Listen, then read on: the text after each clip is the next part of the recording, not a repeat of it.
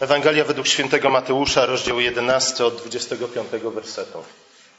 W tym czasie odezwał się Jezus i rzekł: Wysławiam Cię, Ojcze, Panie nieba i ziemi, że zakryłeś te rzeczy przed mądrymi i roztropnymi, a objawiłeś je prostaczkom. Zaprawdę, Ojcze, bo tak się Tobie upodobało.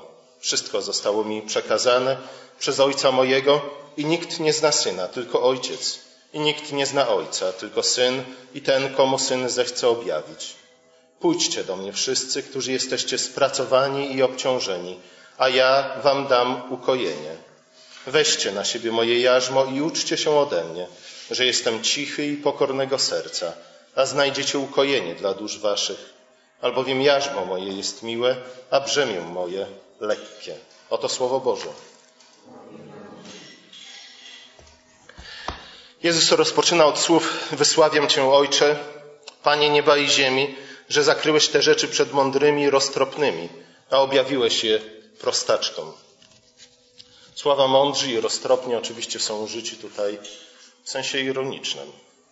Nie chodzi o to, że mądrość jest głupotą, głupota jest mądrością i tak naprawdę nie jesteśmy w stanie się w tym żaden, w żaden sposób rozróżnić, czy też zrozumieć tego wszystkiego. Mamy tutaj do czynienia z ludźmi, którzy, których postawę apostoł Paweł w liście do Rzymian podsumował stwierdzeniem, podając się za mądrych, stali się głupimi. Nie była oczywiście to głupota intelektualna. Zbawienie nie jest funkcją intelektu. Jeśli tak by było, tylko sami geniusze, tacy jak Einstein, mogliby być zbawieni. Nie.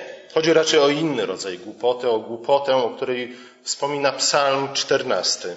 Głupi rzekł w sercu swoim, nie ma Boga. Chodzi o głupotę, o której czytamy w pierwszym, w drugim rozdziale listu do Rzymian. Gdzie czytamy o ludziach, którzy przez nieprawość nakładają pęta prawdzie.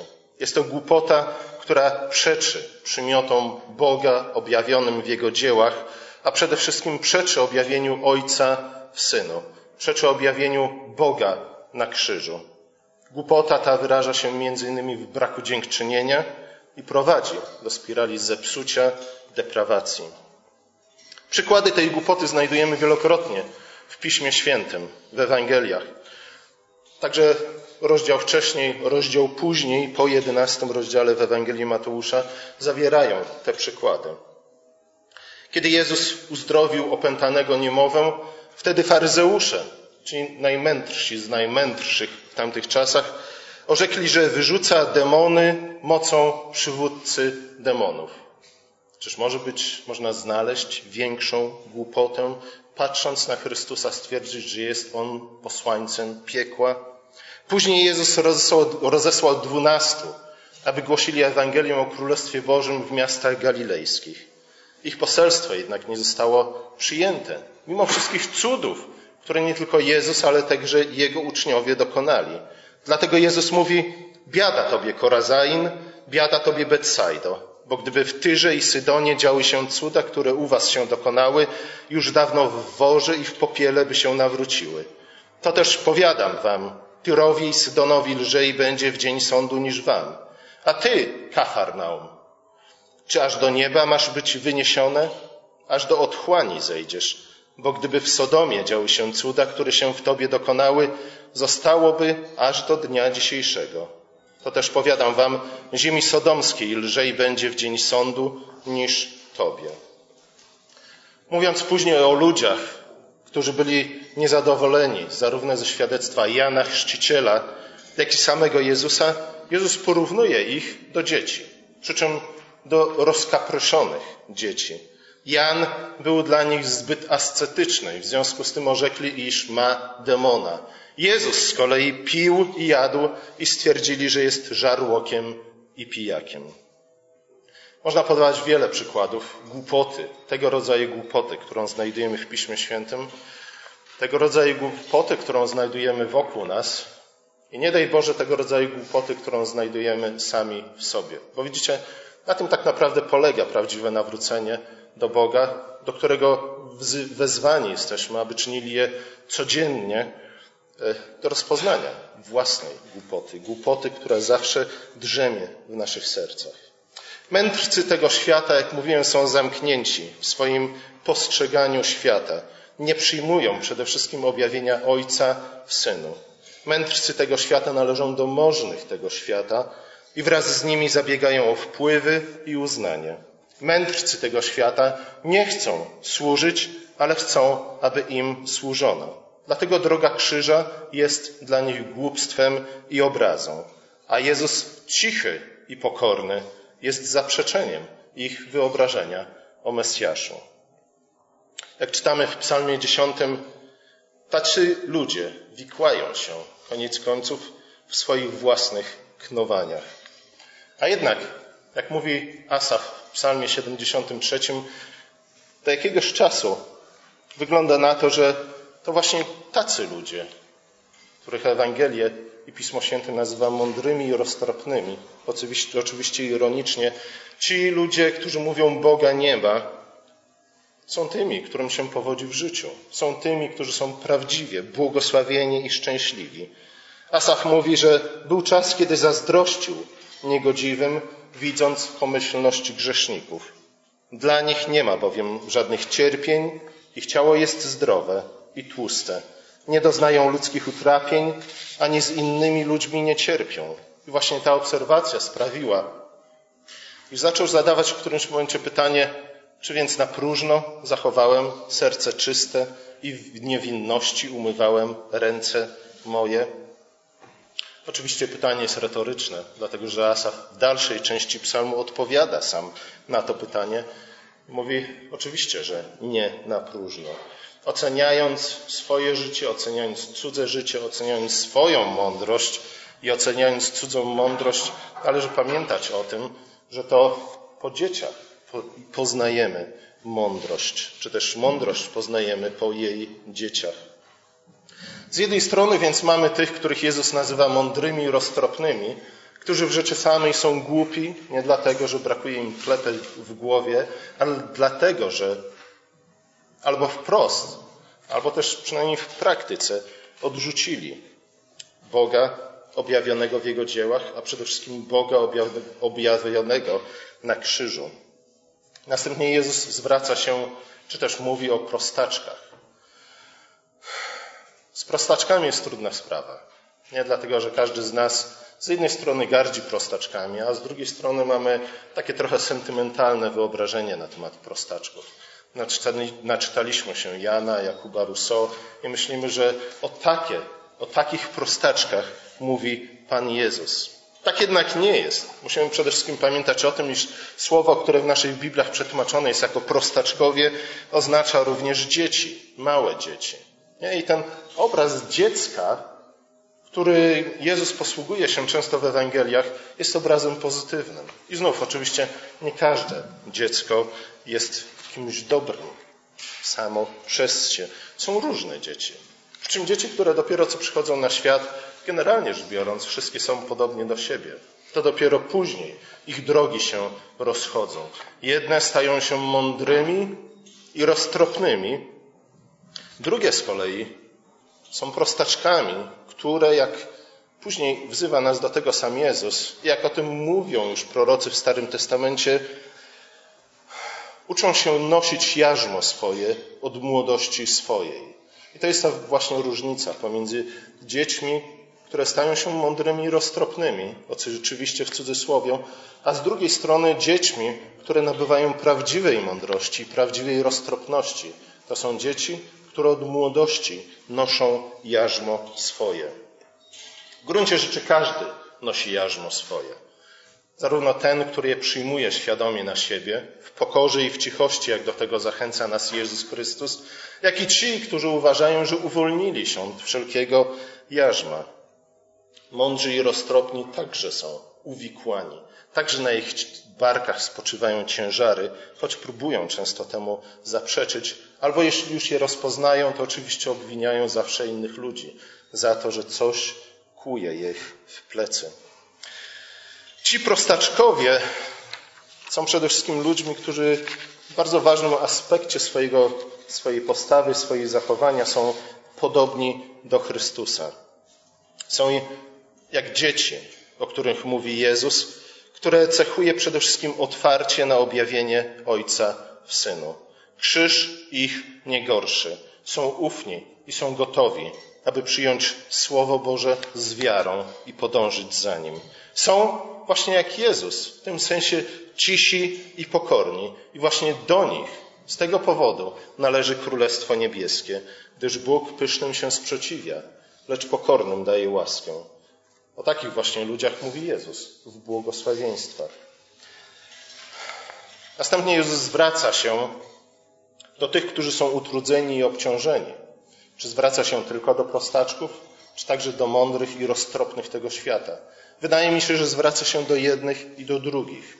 Może trochę w innym celu przemawia do jednych i do drugich, ale on wszystkich zaprasza, aby przyszli do niego, ponieważ wszyscy są utrudzeni i obciążeni i im obiecuje pokrzepienie.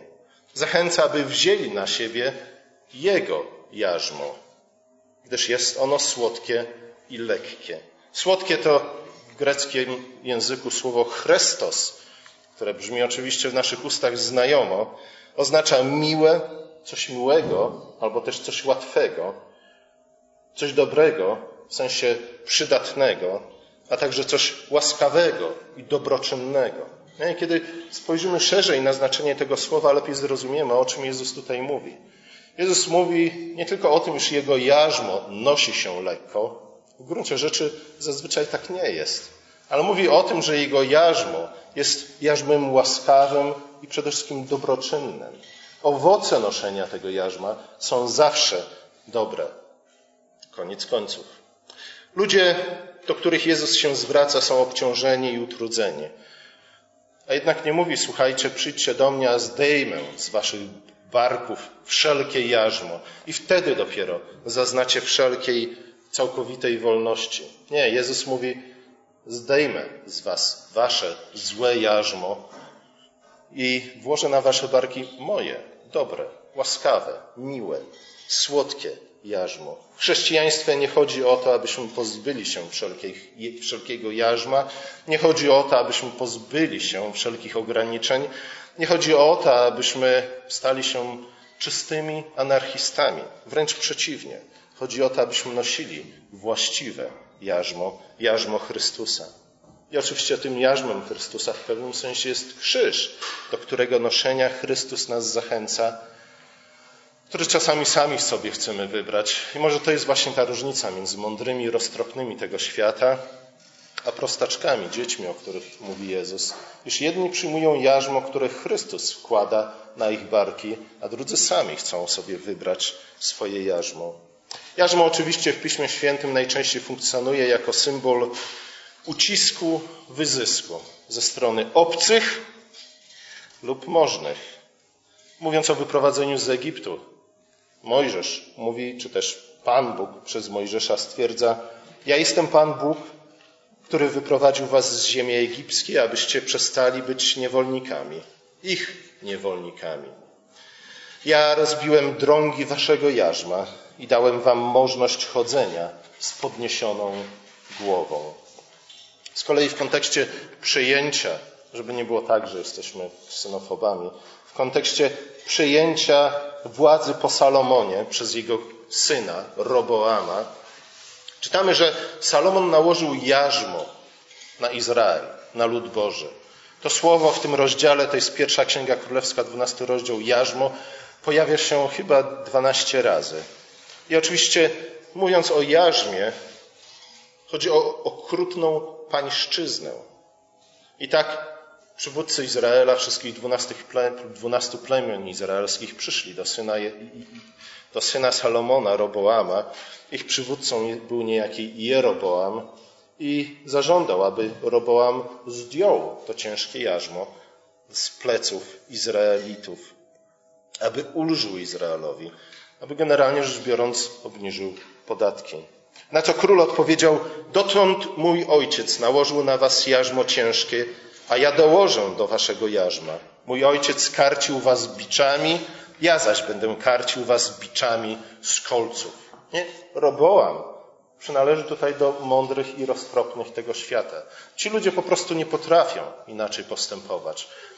Myślą, że muszą zniewolić wszystkich po to, aby czynili ich wolę. Chrystus jest inny. Chrystus przychodzi po to, aby uwolnić nas z tego rodzaju niewoli, po to, abyśmy stali się niewolnikami Boga. I w ten sposób zaznali prawdziwej wolności. Oczywiście Roboam jest też bardzo dobrym przykładem tego, do, do czego prowadzi tego typu głupota. Jak pamiętamy, jego głupota doprowadziła do, roz, do buntu i do rozpadu Izraela. Utracił dziesięć z dwunastu plemion izraelskich. Także Jezus mówi o jarzmie w sensie negatywnym. Pamiętamy te wszystkie biada wypowiadane pod adresem faryzeuszy uczonych w piśmie i mówi do nich, na katedrze Mojżesza zasiedli uczeni w piśmie i faryzeusze. Czyńcie więc i zachowujcie wszystko, co wam polecą, lecz uczynków ich nie naśladujcie. Mówią bowiem, ale sami nie czynią. Wiążą ciężary wielkie i nie do uniesienia i kładą je ludziom na ramiona, lecz sami palcem ruszyć ich nie chcą. W tym również przejawia się mądrość i roztropność tego świata, e, iż jest strasznie obłudna, strasznie hipokrytyczna. Żąda od innych tego, czego od siebie w, żadnym, w żadnej mierze nie wymaga. Uczeni w piśmie i faryzeusze, przynajmniej większość jako grupa w Ewangeliach, funkcjonują jako ktoś, kto stał się podobny do Roboama, ktoś, kto stał się podobny do Egipcjan. Zresztą Izrael czasów Jezusa, a zwłaszcza jego elity, w ten sposób są przedstawiane. Od samego początku Ewangelii Mateusza widzimy, że Izrael stał się Egiptem. Jego przywódcy są jak faraon, zniewolili lud Boży i nałożyli na jego ramiona własne jarzmo. Unieważnili nauczanie pisma ludzkimi tradycjami. I tak uczynili z religii system opresji i wyzysku. A przecież istotą prawdziwej religii jest również w pewnym sensie związanie ludzi, ale związanie ich razem z sobą, a przede wszystkim związanie ich z Panem Bogiem. O to chodzi, abyśmy stworzyli jedno ciało, ciało oblubienicy Chrystusa, abyśmy stali się tymi, którzy uczestniczą w życiu Trójcy. Nie, aby ta więź miłości, która łączy Ojca, Syna i Ducha, łączyła również nas. Nie chodzi więc o całkowite rozwiązanie wszelkich więzów, ale chodzi o to, abyśmy byli związani właściwymi więzami, z właściwymi osobami, we właściwy sposób. O to chodzi w prawdziwej religii. I to słowo łacińskie właśnie oznacza związanie, ale związanie we właściwy sposób. Faryzeusze i uczeni w piśmie jednak zrobili z religii inny rodzaj związania. Oni zamienili religię w pętę, jej przypisy, przepisy w kajdany, a jej wyznawców w swoich niewolników. Można zatem w pewnym sensie opisać misję Chrystusa jako właśnie odnowienie religii, czy też przywrócenie prawdziwej religii, aby służyła swoim pierwotnym celom, czyli, jak powiedział apostoł Paweł, aby służyła wolności i chwale dzieci Bożych. Ale znów, ta wolność i chwała dzieci Bożych nie objawia się w tym, że jesteśmy uwolnieni od wszelkiego rodzaju więzów, od wszelkiego rodzaju jarzma, od wszelkiego rodzaju krzyża, ale że jesteśmy związani właściwymi więzami przez właściwego Pana i Jemu służymy. Zaraz później w dwunastym rozdziale znajdujemy ilustrację pokazującą właśnie na czym polega różnica między Chrystusem jako dobrym pasterzem, a faryzeuszami i uczonymi w piśmie, jako najemników, jako najemnikami. I w związku z tym, jaka też jest różnica pomiędzy jarzmem, które Chrystus wkłada na nasze barki, a jarzmem, które tego typu ludzi chcą włożyć na nasze ramiona. Najpierw faryzeusze zarzucają uczniom Jezusa, że łamią szabat, zbierając kłosy, idąc przez pole. Mówią, że tego typu rzeczy nie wolno czynić w szabat. Nie? Istotę szabatu sprowadzili do tego, czego nie wolno, do samych zakazów. Jak później Jezus im wyjaśnia, w większości te nakazy sami wymyślili. To była ich błędna całkowicie interpretacja tego, czym miał być dla Bożego Ludu dzień odpoczynku. Oni z tego dnia odpoczynku uczynili dzień więzienia, dzień niewoli. Jezus odpowiada im nawiązując do historii Dawida i jego rycerzy i tłumaczy im, w jaki sposób mamy interpretować nie tylko przepisy dotyczące dnia odpoczynku, ale także w ogóle przepisy prawa. I kwituje to słowami, gdybyście zrozumieli, co znaczy chcę raczej miłosierdzia niż ofiary, nie potępialibyście niewinnych. Dzień odpoczynku. Nie? Dla nas to właśnie nabożeństwo jest tym czasem odpoczynku, jaki znajdujemy w Chrystusie, ma temu służyć. Przede wszystkim komunikowaniu miłosierdzia Bożego, a nie umartwianiu się. W pewnym sensie umartwiamy się, kiedy przychodzimy na nabożeństwo, gdy wyznajemy nasze grzechy, ale potem, zaraz potem, kiedy otrzymujemy zapewnienie tego, iż Pan Bóg jest miłosierny i oddala nasze grzechy i przewinienia jak wschód od zachodu, możemy odpocząć. On uwalnia nas od naszych ciężarów, po to, abyśmy mogli rzeczywiście zakosztować, iż dobry jest Pan. Następnie Jezus wstępuje do synagogi i tam spotyka człowieka z uschłą, z uschłą tudzież z uschniętą ręką. Problem był tylko taki, iż wstąpił do synagogi znów w dzień szabatu. I tam ludzie zgromadzeni zadali mu pytanie, czy wolno uzdrawiać w dzień szabatu? Oczywiście dla nich było to pytanie retoryczne. Wiele takich pytań usłyszał Jezus, a były zadawane mu tylko po to, aby go usidlić, przyłapać na słowie i móc oskarżyć o łamanie prawa. Jezus jednak odpowiada pytaniem na pytanie, czy wolno w szabat dobrze czynić? Nie, oni skupili się tylko i wyłącznie na tej negatywnej roli dnia odpoczynku, czego nie wolno, od czego powinniśmy stronić. Ale Jezus wskazuje im na istotę szabatu, prawdziwego szabatu i mówi, słuchajcie, to jest dzień wolności, dzień, w którym możecie w końcu cieszyć się i radować. Nie tylko są owocami własnej pracy, ale przede wszystkim owocami śmierci Chrystusa. W swoich dywagacjach na temat prawa faryzeusze i uczeni w piśmie zapomnieli, co jest prawdziwą istotą prawa, na co wskazują te wszystkie nakazy i zakazy, a mianowicie zapomnieli o sprawiedliwości, o miłosierdziu i o wierze.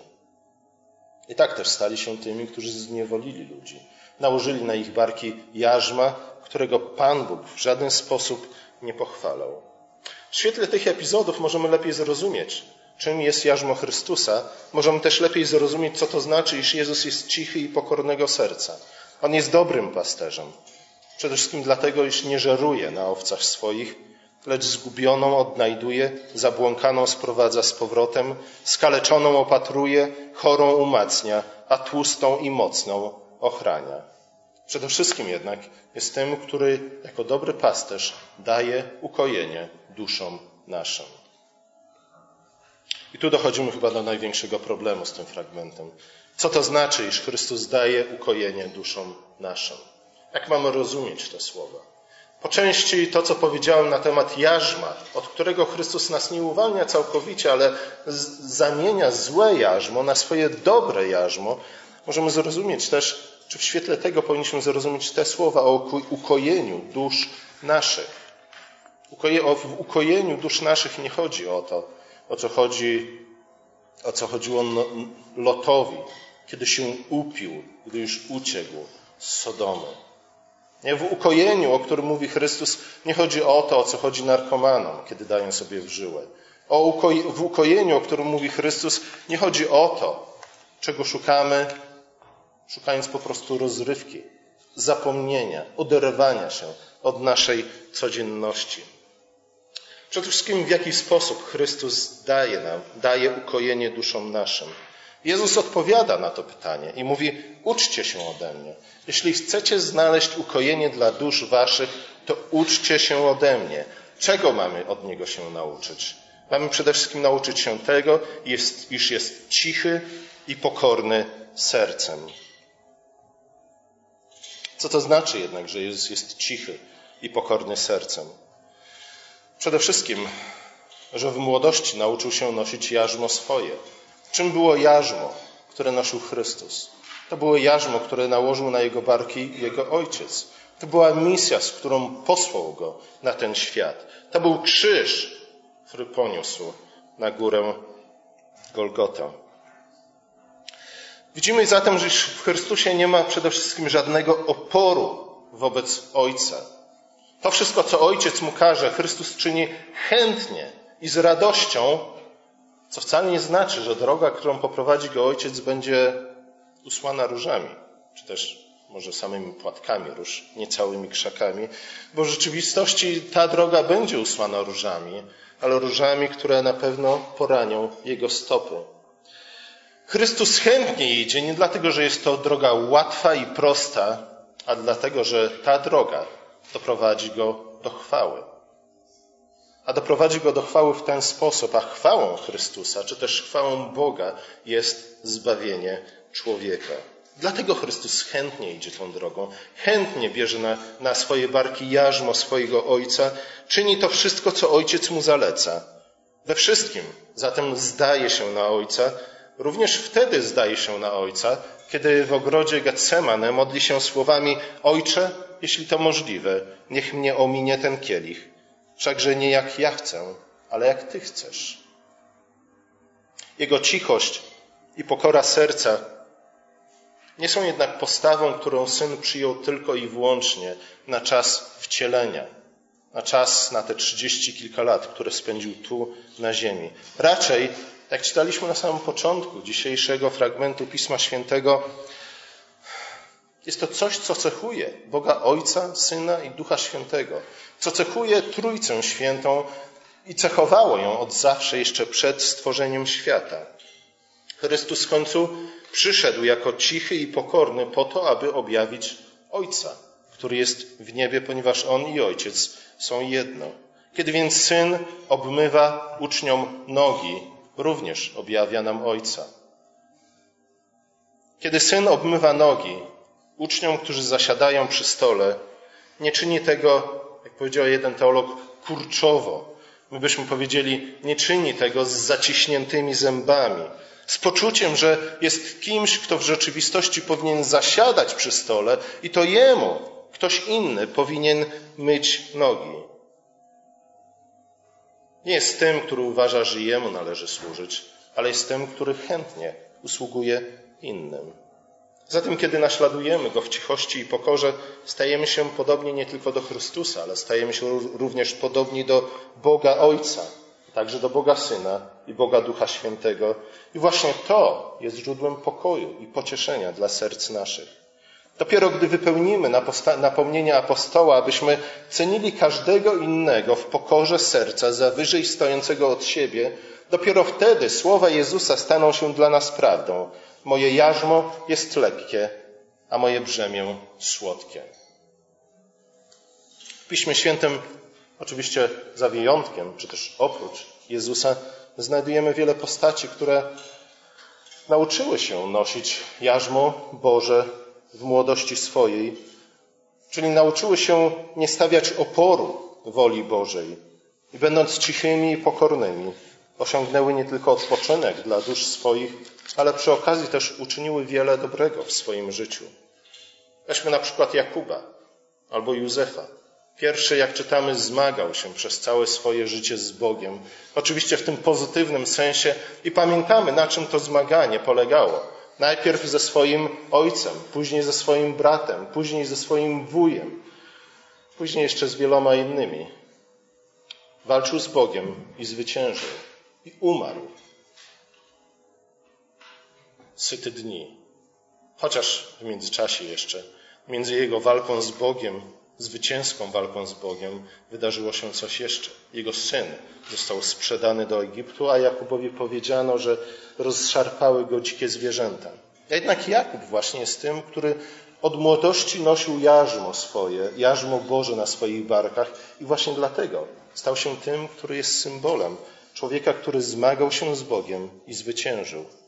Jego syn, Józef, jeden z jego synów, poprzez wierną służbę Bogu która wyrażała się w wiernej służbie faraonowi. Nie tylko. Najpierw ojcu, później Potyfarowi, później w więzieniu, później faraonowi. Stał się tym, kogo Pismo Święte nazywa ojcem faraona i dał chleb złaknienemu światu.